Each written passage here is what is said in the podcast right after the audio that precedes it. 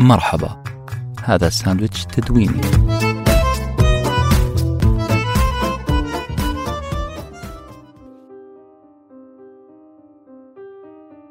عندما يستيقظ الإلكترون متأخرا.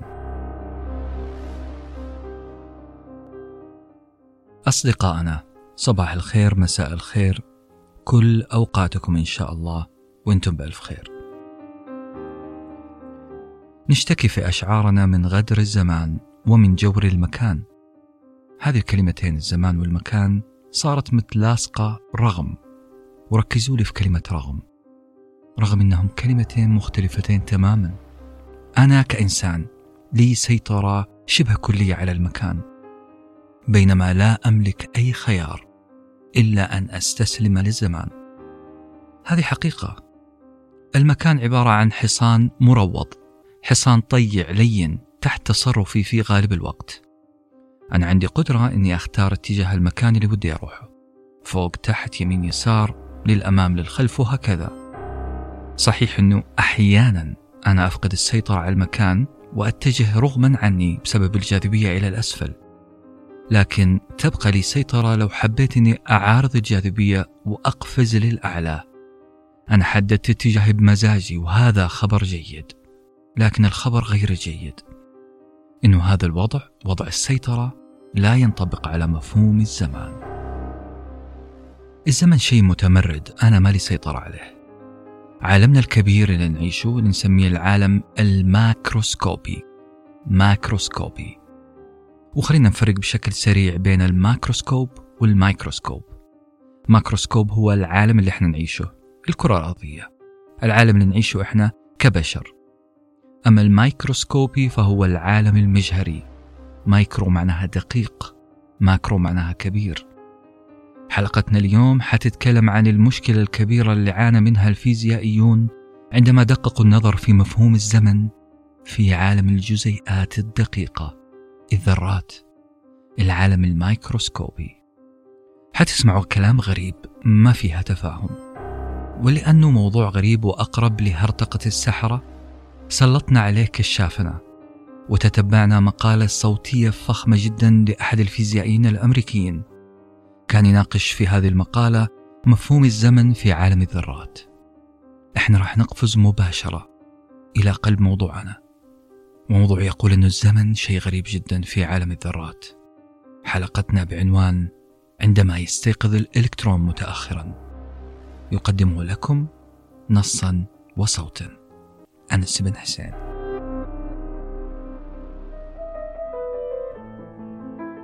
أصدقائي كنت أحسب الفيزياء تخصص ممل. إلى أن قرأت كتاب عن نسبية أينشتاين. قرأت كتاب كمان عن فيزياء كل يوم. هنا بدأت أغير قناعاتي. تأكدت بعد استماعي لمادة صوتية كانت تتكلم عن سلوك الجزيئات الدقيقة داخل المادة وهل هذه الجزيئات تعيش مفهوم الوقت مثلنا أو لا؟ تأكدت بعدها أنه الفيزياء مادة فخمة جدا ممتعة لأنها جاوبتني على سؤال غريب هل الوقت في العالم الماكروسكوبي الكبير اللي نعيشه إحنا هو نفسه الوقت في العالم الميكروسكوبي المجهري الصغير؟ من هذه المفارقة البسيطة راح نبدأ حلقتنا اليوم أصدقائي أنا ما أقدر بأي حال من الأحوال أن أشير إلى اتجاه معين في خط الزمن وأقول أنا أبغى أروح في هذا الاتجاه. ما أقدر أقول إني بروح للماضي أو المستقبل. المسألة ما هي بمزاجي. أنا ما عندي خيارات في حياتي. لا أنا ولا أنت إلا أن نتجه إلى الأمام إلى المستقبل. الزمن في عالمنا الطبيعي الكبير الماكروسكوبي غير قابل للعودة أو الاسترجاع. وعشان كذا إحنا بنتحلطم ليل نهار على الذكريات القديمة. نتمنى أن نعود للماضي أحيانا. في أفضل الأحيان إحنا نطلب طلب زي قول للزمان ارجع يا زمان. وكأننا نخاطب جبل لن يتزحزح عن رأيه. لكن الفيزياء فعلا شيء جميل خاصة إذا اندمجت الفيزياء مع شوية فلسفة. الفيزياء حاولت النظر إلى الزمن كمادة فيزيائية ضمن معادلة الكون. يعني الزمن مو بس شيء في عقلنا شيء نحس فيه ونعيشه بدون أي مقاييس أو حسابات لا. الزمن دخل في المعادلات الرياضية. الزمن ما هو تحصيل حاصل ما هو مسلمة من مسلمات الحياة. أول محاولات الفيزيائيين والبشر عموما عشان يدخلون الزمن في معادلة الكون وأول اجتهاداتهم لتصوير الزمن في شكل معين كانت في تصويرهم للزمن على شكل سهم. نعم سهم. نفس السهم اللي درسناه في حصة القواعد في اللغة الإنجليزية السهم اللي أوله ماضي وسطه حاضر ونهايته مستقبل. صحيح أنه هذا تصور بدائي وبسيط جدا حد السذاجة لمفهوم الزمن لكن خلى هذا المفهوم جزء من أي معادلة فيزيائية أي تفاعل كيميائي في عالمنا الكبير يتداخل مع خط الزمن. ونقدر نقول ببساطة أنه التفاعل التفاعل الكيميائي بيصير في مدة زمنية معينة حتى لو أجزاء من أجزاء من أجزاء من الثانية. التفاعل بيحصل في خط زمني معين فيه ماضي حاضر ومستقبل. إذا الزمن جزء من حياتنا ومن معادلات الكون. لكن طولوا بالكم شوية.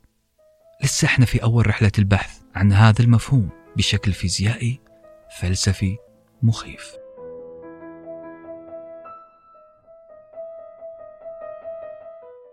تخيل معي يا صديقي أنك صورت شخص بيرمي كرة إلى الأعلى.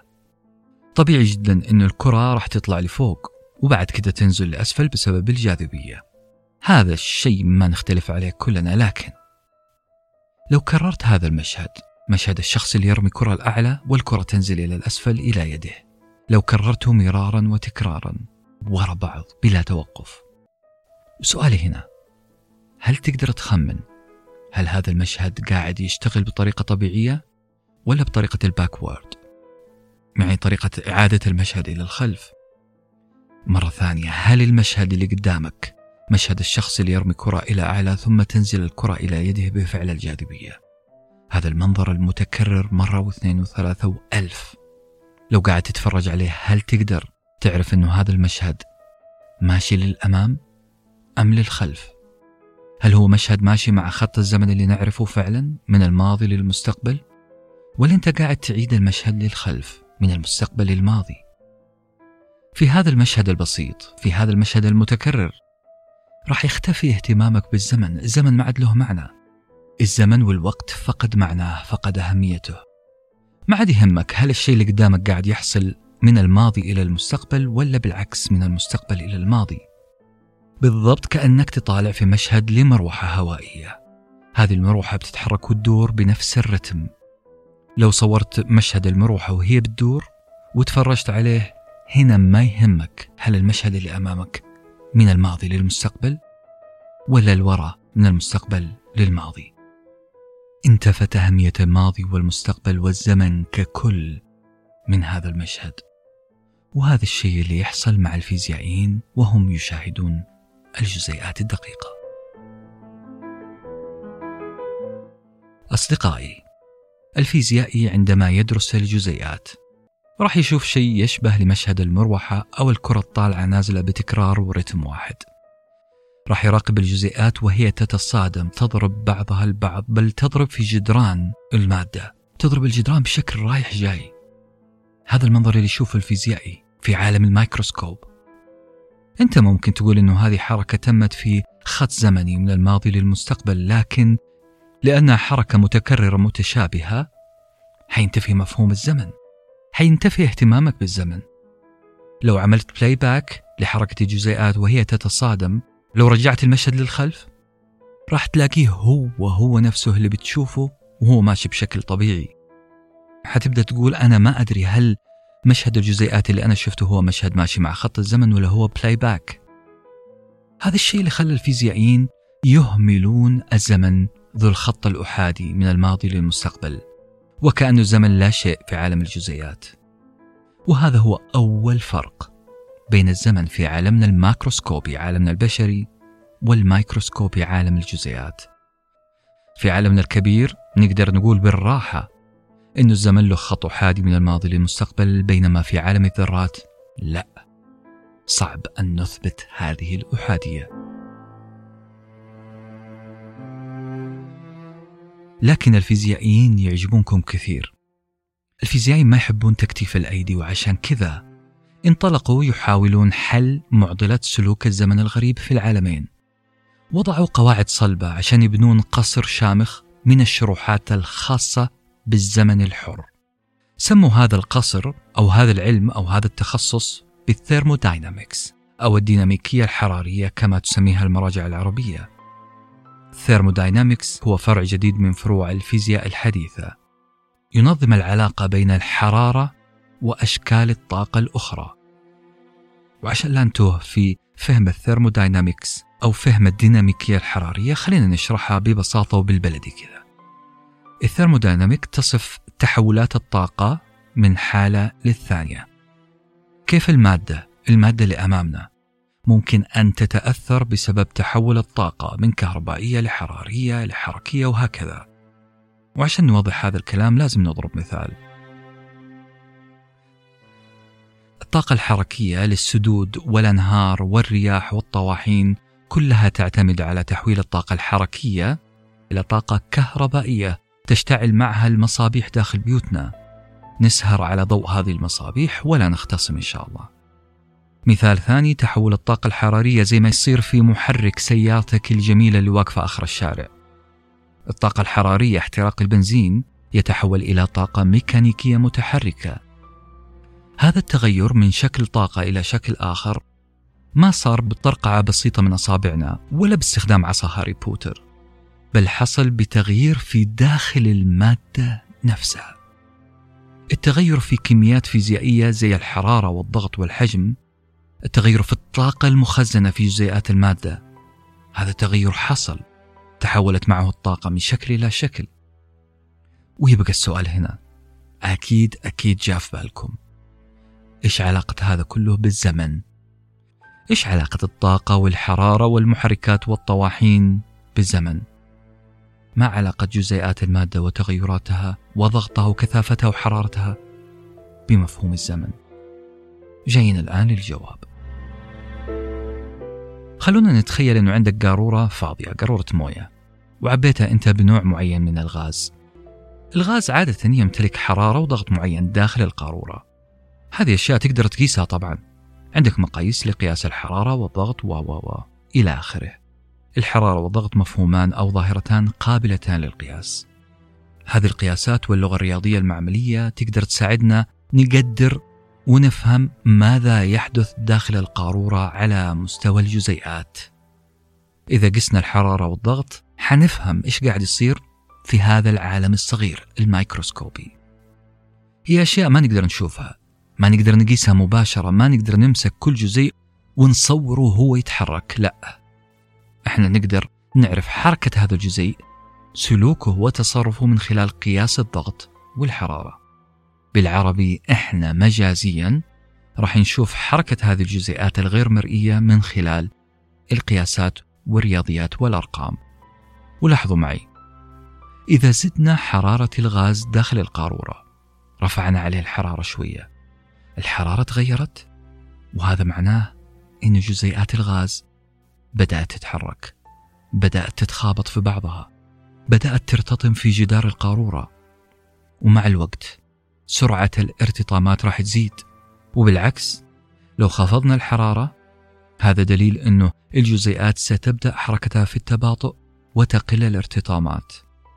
وعلى هذا الأساس الفيزيائيين عرفوا الحرارة بأنها متوسط الطاقة الحركية للجزيئات المكونة للمادة.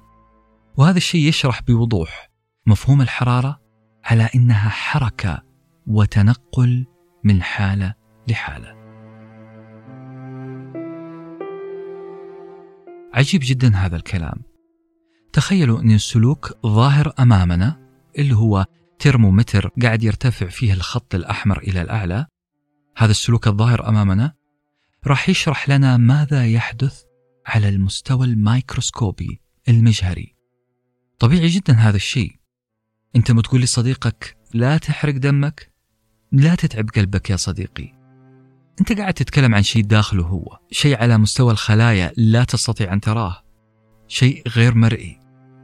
لكنك بكلامك متأكد إنه قلب صديقك قاعد يتعب ودمه قاعد يحترق. كيف عرفت هذا الشيء؟ من خلال علامات ظهرت على وجهه على صوته على حركة جسده. الظواهر الخارجية فسرت لك ماذا يحدث بالداخل. الباطن الخفي قد تفسره بعض الظواهر الخارجية. هذا هو الشيء بالضبط اللي يعمله الفيزيائيون. الفيزيائيين يقولون لك الجزيئات قاعدة تعمل كذا وكذا بناء على ظواهر خارجية. الظواهر الخارجية تقدر تشوفها وتقيسها. نقدر نقول أنه الضغط الناشئ عن الحرارة أغضب الجزيئات. ولذلك بدأت الجزيئات في الحركة المجنونة. بالعربي فرع الفيزياء اللي تكلمنا عنه قبل شوية اللي هو الديناميكية الحرارية. استطاع أن يشرح سلوك شيء لا نراه. والسؤال هنا هل نقدر نفهم الزمن كذلك؟ بنفس الطريقة؟ هل نقدر نفهم الزمن العنصر الخفي الغير مرئي واللي أكيد أنه جزء لا يتجزأ؟ في كل معادلة فيزيائية. هل نقدر نشرحه بهذه الطريقة؟ وهنا تيجي المفردة الأهم لليوم الأنتروبي أو القصور الحراري. الأنتروبي هذا ممكن يكون مصطلح جديد عليك وهو بالتأكيد مصطلح جديد علي. الأنتروبي هو المقياس اللي نعرف من خلاله إنه المادة أو الجزيئات اضطربت. انه الجزيئات قاعدة تتحول من حالة لحالة. أنتروبي أصلا باليونانية معناها تحول فطبيعي إنها تتكلم عن التحولات على مستوى العالم المجهري الميكروسكوبي. والقاعدة تقول هنا أن المادة دائما في حالة فوضى. الجزيئات داخل المادة في حالة فوضى تحاول أن تتحول بكل طاقتها لتصل إلى حالة توازن. إذا المادة في حالة فوضى مستمرة عشان تصل إلى حالة توازن. وعشان نقرب الصورة نقول تخيل المادة عبارة عن قطرة حبر أزرق. أنت تقطر منها قطرة واحدة برفق في كوب ماء. تخيل معي المشهد الآن في يدك أنبوبة وقاعد تنزل قطرة حبر أزرق في كوب ماء. راح تلاقي أنه القطرة هذه راح تتوسع وتنتشر عشان تختلط بهذا المحيط الجديد. المحيط المائي عشان تعمل توازن مع هذا الجسم الجديد اللي هو الماء. كل قطرة ماء في هذا الكوب راح تصير مكونة من نسبة موزونة من الماء والحبر. ملاحظين القطرة الزرقاء إيش سوت؟ جلست تتحول جزيئاتها تتحول وتحاول الاندماج مع كوب الماء عشان تصل كل قطرة في هذا الكوب إلى ما يسمى التوازن. طيب الآن النقطة المهمة. هذا التوازن اللي حصل أكيد أنه أخذ وقت. نعم أكيد. حصل في خط زمني.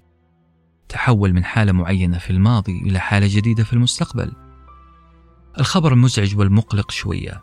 إنه أي نظام أي نظام. لابد لازم وحتما إنه الأنتروبي حقها يرتفع دائما.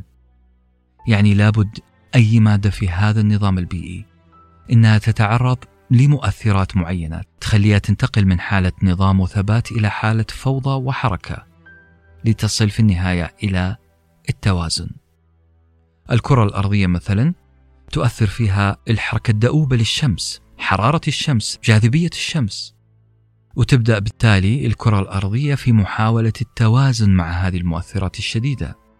نفس الشيء يصير في الأنابيب المغلقة زي الأكسجين. تحدث فيها حالة أنتروبي، حالة اضطراب، وتتحرك داخلها المادة لكن ببطء شديد جدا.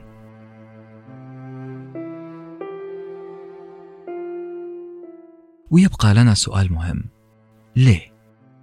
ليه الفيزيائيين حكموا على المادة بأنها لازم لازم تكون في حالة من الاضطراب والفوضى الفيزيائيين شرحوها بطريقة سهلة ومبسطة جدا واستحملونا على المثال الغريب هذا لكن فعلا وضح لي أنا الشخص العامي وضح لي فكرة الأنتروبي ومن أين أتوا بهذا المبدأ. تخيلوا أصدقائي تخيل أنك إنسان مرتب جدا ودائما غرفتك في حالة ترتيب مثالي. ما حد يقدر يرتبها أكثر من الطريقة اللي رتبت فيها غرفتك. يعني الشراريب مكانها الشيرتات مكانها التيشيرتات مكانها الأقلام في الدرج ترتيب عنيف. حتى السجاد لا يوجد فيها أي مطبات كل شيء في مكانه المثالي. طيب الغرفة الآن في وضع استقرار في وضع ترتيب تام. هذا هو الشكل الوحيد اللي راح تكون معاه مرتاح وراضي ومقتنع بأن الوضع الأمثل للغرفة بهذا الشكل. الآن دخل إخوانك وأبناء إخوانك للغرفة وقل لهم شيء واحد. قل لهم أنتم أحرار لممارسة كل شيء تحبونه داخل هذه الغرفة. أهم شيء في النهاية بعد ما تنتهوا من اللعب رتبوا لي الغرفة زي ما كانت. الآن عزيزي المستمع والمستمعة أبغاك تتخيل كيف حيصير شكل غرفتك المثالية بعد عشر دقائق لعب؟ أكيد حتكون في فوضى عارمة. نعم الأطفال ممكن يسمعون كلامك ويحاولون بعد اللعب أنهم يرتبون الغرفة قدر الإمكان. مشكورين ومجملين على مجهودهم في الترتيب لكن اللي راح يصير أنه كل محاولاتهم للترتيب لترتيب الغرفة وإرجاعها لوضعها المثالي لن تصل لواحد في التريليون من الترتيب اللي أنت كنت عامله. الغرفة بحسب معاييرك ومثاليتك راح يعمها الفوضى. وتخيلوا معايا السيناريوهات سيناريوهات الفوضى اللي راح يعملوها الأطفال في غرفتك. نمسك شيء واحد بس الجوارب القطنية. الأطفال بإمكانهم وضع الجوارب على السرير بدل من مكانها الأصلي. ممكن يحطوا لك واحد فوق السرير والثاني فوق التسريحة ممكن واحد فوق الدولاب والثاني يرمى من الشباك أكيد جاء في بالكم احتمالات أخرى لا مو أكيد بالمليون في المية جاء في بالكم ألف سيناريو مختلف في عندنا ملايين بل ملايين ملايين ملايين الاحتمالات اللي تخص زوج من الجوارب فقط طيب وماذا عن باقي أغراض الغرفة؟ ماذا عن الأقلام؟ ماذا عن السجاد؟ ماذا عن الأحذية؟ ماذا عن الملابس؟ احتماليات الفوضى أكبر بكثير جدا من احتمالية النظام المثالي هذا هو السبب اللي خلى الفيزيائي يقول الأنتروبي اللي هي حالة الفوضى هي الأصل حالة الفوضى اللي تحصل داخل المادة سيناريوهاتها عظيمة جدا احتماليتها أكبر بكثير جدا من حالة الوصول للثبات والمثالية وخلينا نرجع للفيزياء شوية ونقول احتمالية أن يثبت الهواء بضغط معين في زاوية معينة في الغرفة هو احتمال واحد بينما احتمالية انتشاره في الغرفة لها تريليون شكل مختلف. هذا يا جماعة اللي يحدث في الغرفة أو يحدث في عالمنا الماكروسكوب الواسع. وكذلك هذا الشيء اللي يحدث بين جزيئات المادة في عالمها الميكروسكوبي. حالة الفوضى نسبتها أعلى بتريليونات المرات من حالة النظام المثالي والتوازن والسكون اللي هي سيناريو واحد فقط. أنا أفترض هنا الآن أنك قاعد تصطبر على كلامي بشوية قهوة تروق لك مزاجك. طيب أباك طالع الآن إلى كوب القهوة اللي أمامك. انظر له نظرة جريئة. الكوب الخزفي اللي أمامك هو مادة صلبة، مادة جامدة. مستحيل أقول أو أنت تقول أنه داخل هذه المادة مادة الخزف مستحيل أنه في شيء يتحرك. لكن الفيزياء تقول لا أنتم غلطانين. الذرات والجزيئات المكونة للخزف مستحيل تكون في حالة سكون مطلق. هي زي أي مادة في الدنيا مضطربة. تريد الفكاك تبى تصل لحالة مثالية مؤقتة. لكن هذه الحركة تتم بطريقتها وبسرعتها المناسبة. في مادة الخزف سرعة الجزيئات ومحاولة تحررها وتحولها بطيئة والحركة الجزيئية في مناطق صغيرة جدا متناهية الصغر. لكن إحنا اتفقنا على مبدأ. مو لأننا لا نرى ما يحدث داخل المادة إذا المادة لا يحدث فيها شيء. لا لا لا لا تعتمد على بصرك. في حركة موجودة في صراع كبير جدا قاعد يحصل لكن في زمن محدود وفي مساحة ضيقة جدا. الجزيئات متقاربة جدا بين بعضها عشان كذا صعب عليها الحركة بشكل مطلق. تخيل معي مثلا أنك في مدرج ملعب كرة قدم مليان جمهور. المدرج احتوى على هذه الحشود الكبيرة وصار صعب أنك تتحرك يمين ويسار في هذا المدرج.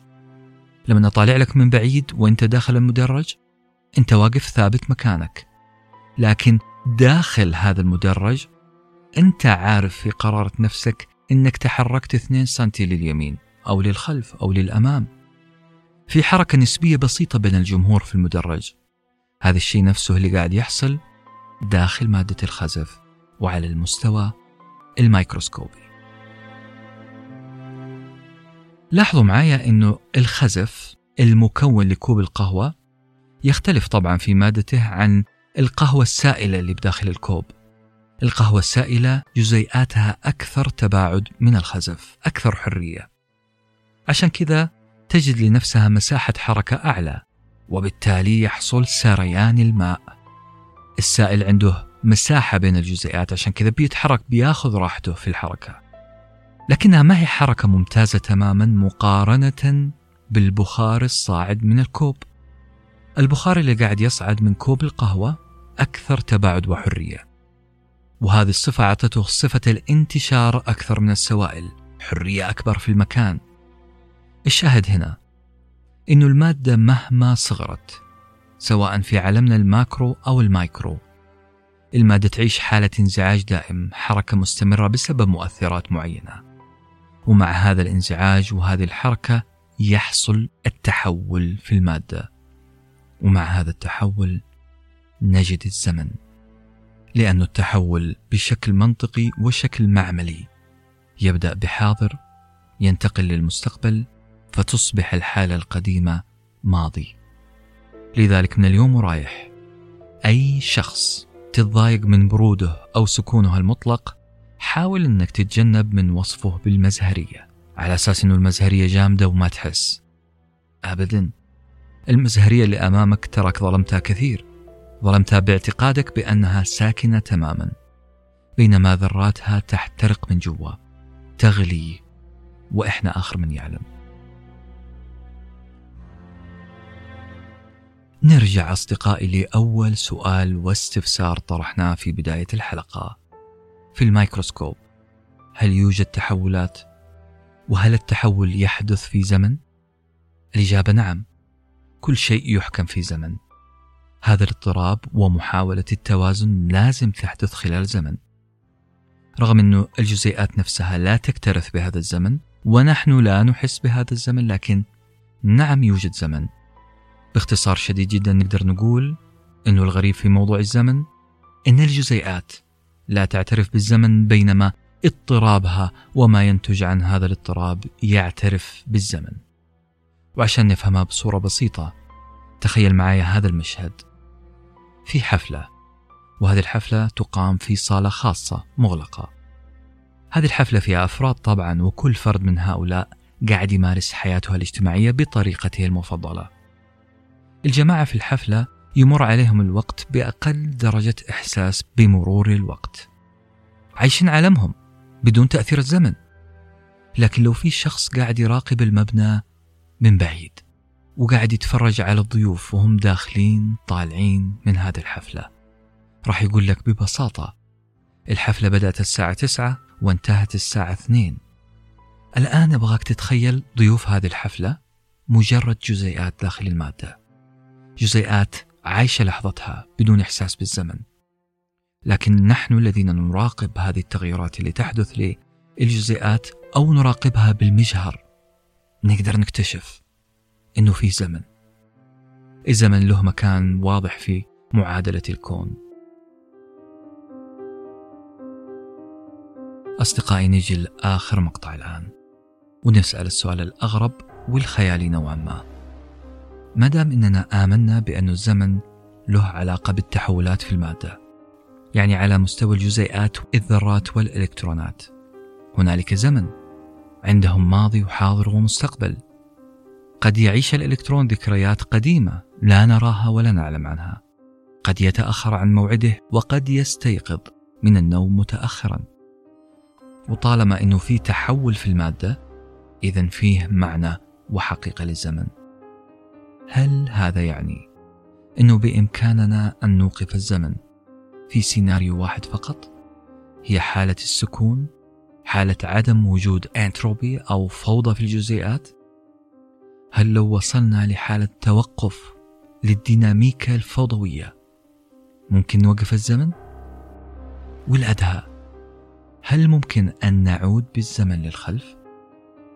الحقيقة اللي بين أيدينا الآن إنه ما فيه أي نظرية تقدر توصف الزمن بدقة شديدة كل اللي نقدر نعمله هو طرح أسئلة غريبة زي هل كان الكون قبل ملايين السنين يعيش حالة أنتروبي أو فوضى منخفضة؟ وإذا كان يعيش حالة فوضى منخفضة مقارنة بالآن هل معناه أنه في الأزمان السابقة كان الكون في حالة ثبات وسكون أكثر إلى أن نصل إلى حالة من عدم الشعور بالزمن أساسا؟ يعني بلا صح هل كان زمان معنى الزمن مفقود؟ أو أقل أهمية وتأثيرا مقارنة بعالمنا اليوم؟ هذا السؤال خيالي طبعا لكن مجرد افتراض يدور في خاطر الفيزيائيين طالما أن الكون مع السنين بل مع آلاف السنين قاعد تزيد في حالة الفوضى والحركة والأنتروبي هل هذا معناه أنه زمان كان الكون أهدأ إلى أن نصل إلى حالة سكون وثبات كاملة؟